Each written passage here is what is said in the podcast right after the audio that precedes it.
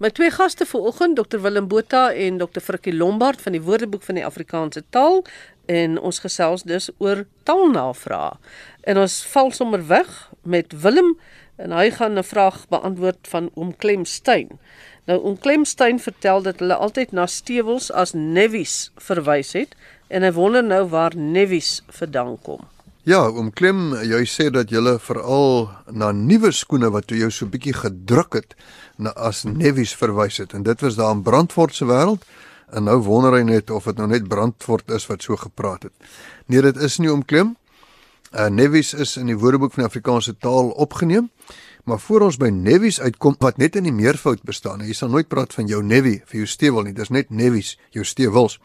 Gaan ons eers na die inskrywing by nevie.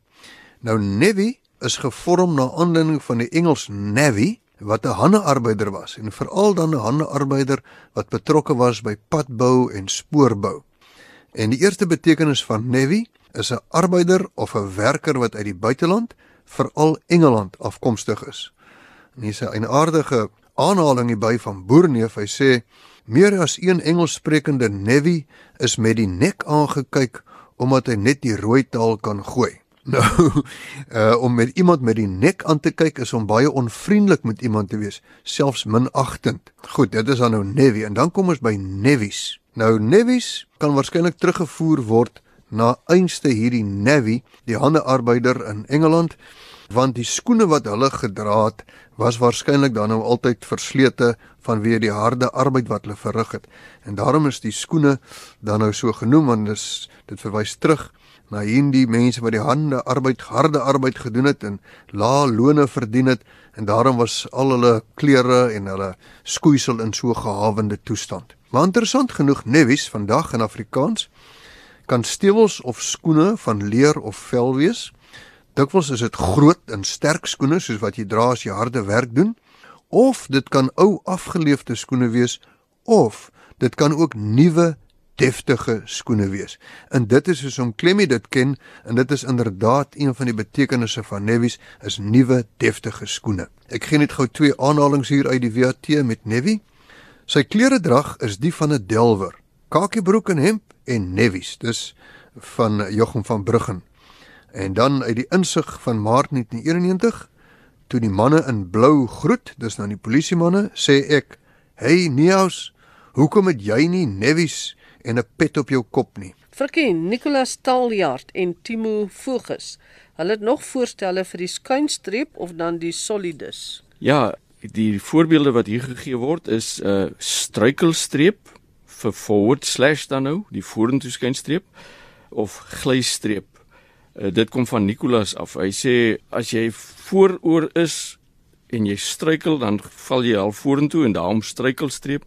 As jy gly val jy agteroor dan is dit nou die streep wat agtertoe loop. Hy stel dit voor vir trisolidus of die agtertoe skynstreep. Timo Voges het ook voorstelle.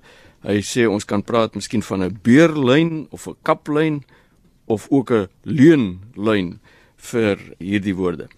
Nou ons het al baie oor hierdie saak gepraat en interessante voorstelle word gemaak en 'n mens wil ook nou nie vindingrykheid demp nie, maar sulke voorstelle verplaas gewoonlik nie terme wat al goed of redelik goed gevestig is nie.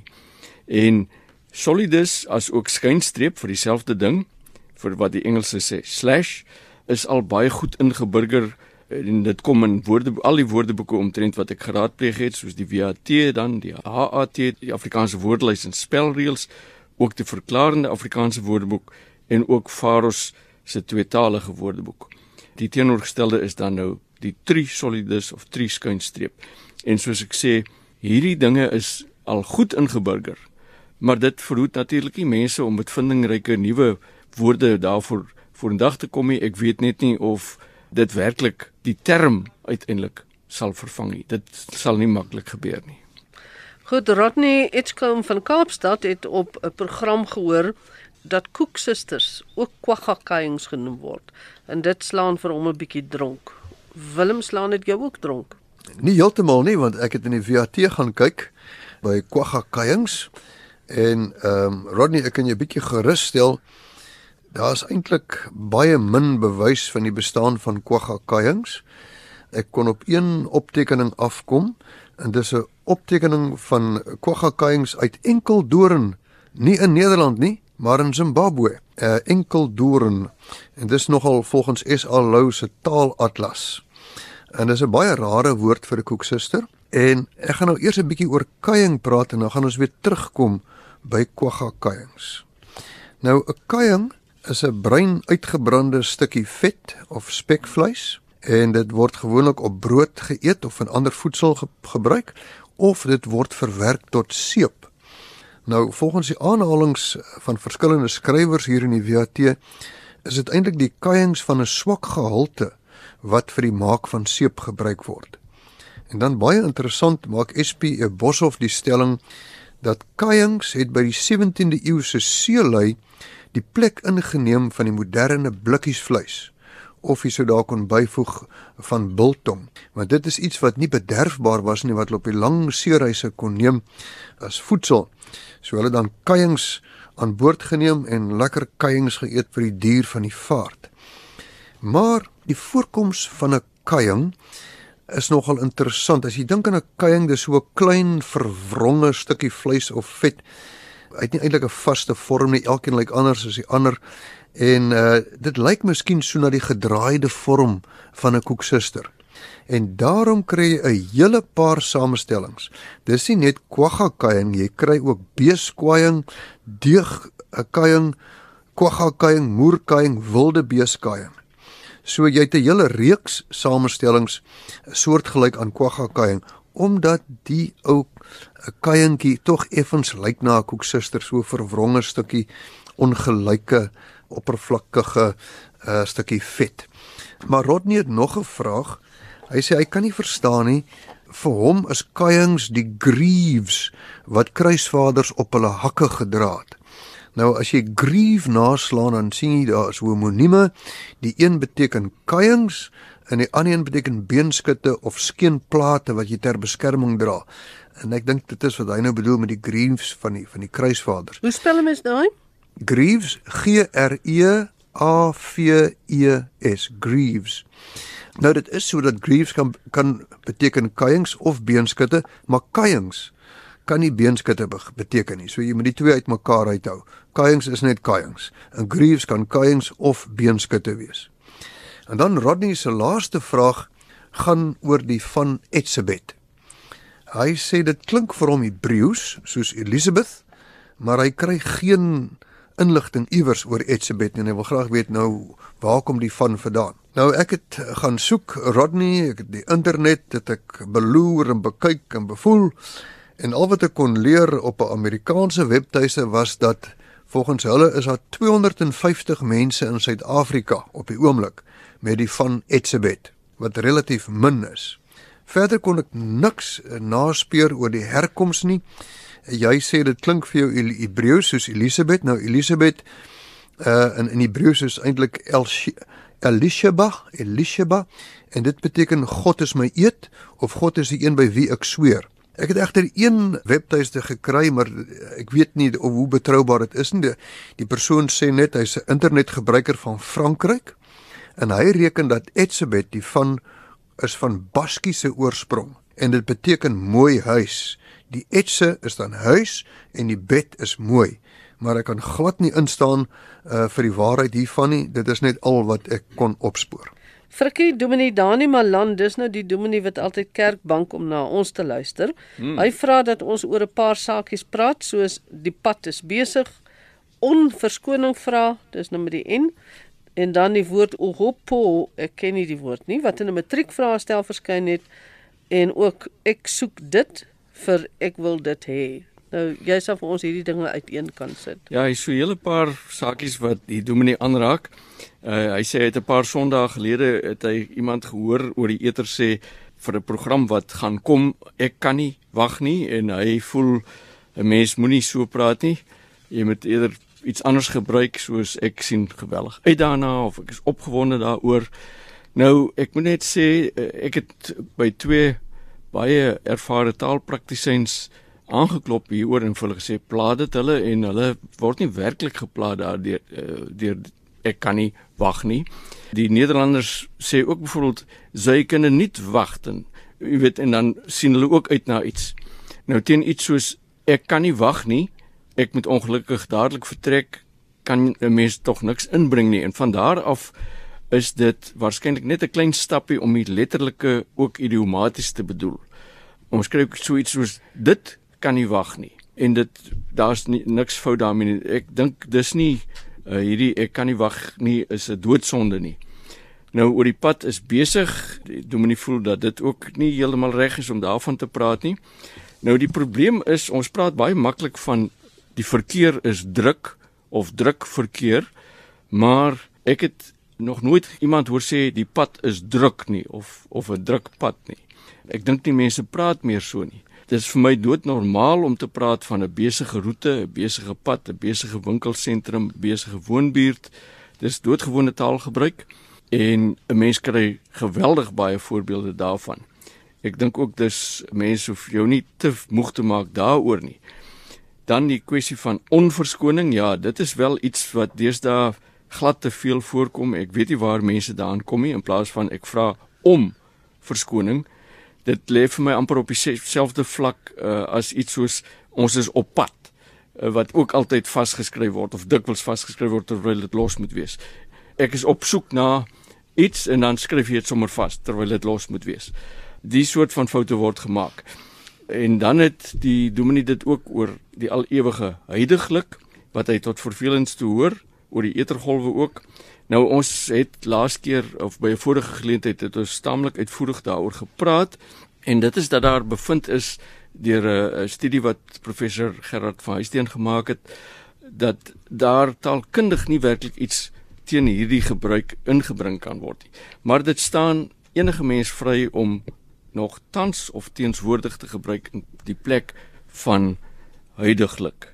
Nog iets wat hom pla is die man of vrou wie daar loop. Ons het ook al daaroor baie gepraat dit of jy nou praat van 'n ding, 'n voorwerp of 'n mens, dit bly die virk wat ek gebruik vir die grasperk of die man wat daar loop of die vrou wat dit doen, dit bly wat.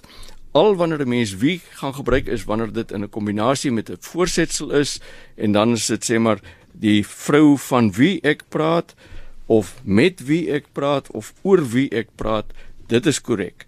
Maar altyd wat en nie wie nie. As ons verwys net na iemand of iets. Dan die Uhupu is 'n eintlike pleknaam in Namibië en hulle het maar in 'n matriekvraestel het die het die persoon wat die vraag stel opgestel het het gesê watter taalvorm het ons hiermee te doen en interessante is dit is 'n palindroom. Met ander woorde 'n woord wat van links en van regs af dieselfde gaan wees. Nou oor die oor die naam Upu is daar ook heelwat te sê maar ek kan dit nie oor die die eter sê nie. Die laaste wat wat ek wil behandel is waar hy dit het dat 'n seun byvoorbeeld sê maar ek soek die suiker. En dan is hy nie op soek aan dat die suiker staan daar by hom op die tafel hy kan dit net nie bykom nie. Nou ek sal ook nogal nie daarvan hou is is my kind so praat nie maar nou moet 'n mens daarop wys dat in in gestelstaal in informele gestelstaal kan soek baie dikwels beteken nodig hê of graag wil hê. Ek soek geld, ek soek werk, ek soek dienslewering. Uh soek is 'n polisemiese woord. Met ander woorde daar is verskeie betekenisonderskeidings en hierdie van ek wil dit hê is een van hulle. Hierdie die pad is besig laat my nou ook dink aan die verkeersverslae waar ons vroeër jare sou gesê het daar was 'n botsing tussen twee motors op die pad tussen X en Y. Mm. En nou praat ons net van daar was 'n botsing tussen Kakamas en Keimoes. En ja. dit is aanvaarbaar nou. Dit is nou nie En die vroeër sou ons gesê die twee dorpe kan nie letterlik bots met mekaar ja, ja, nie. Ja, ja.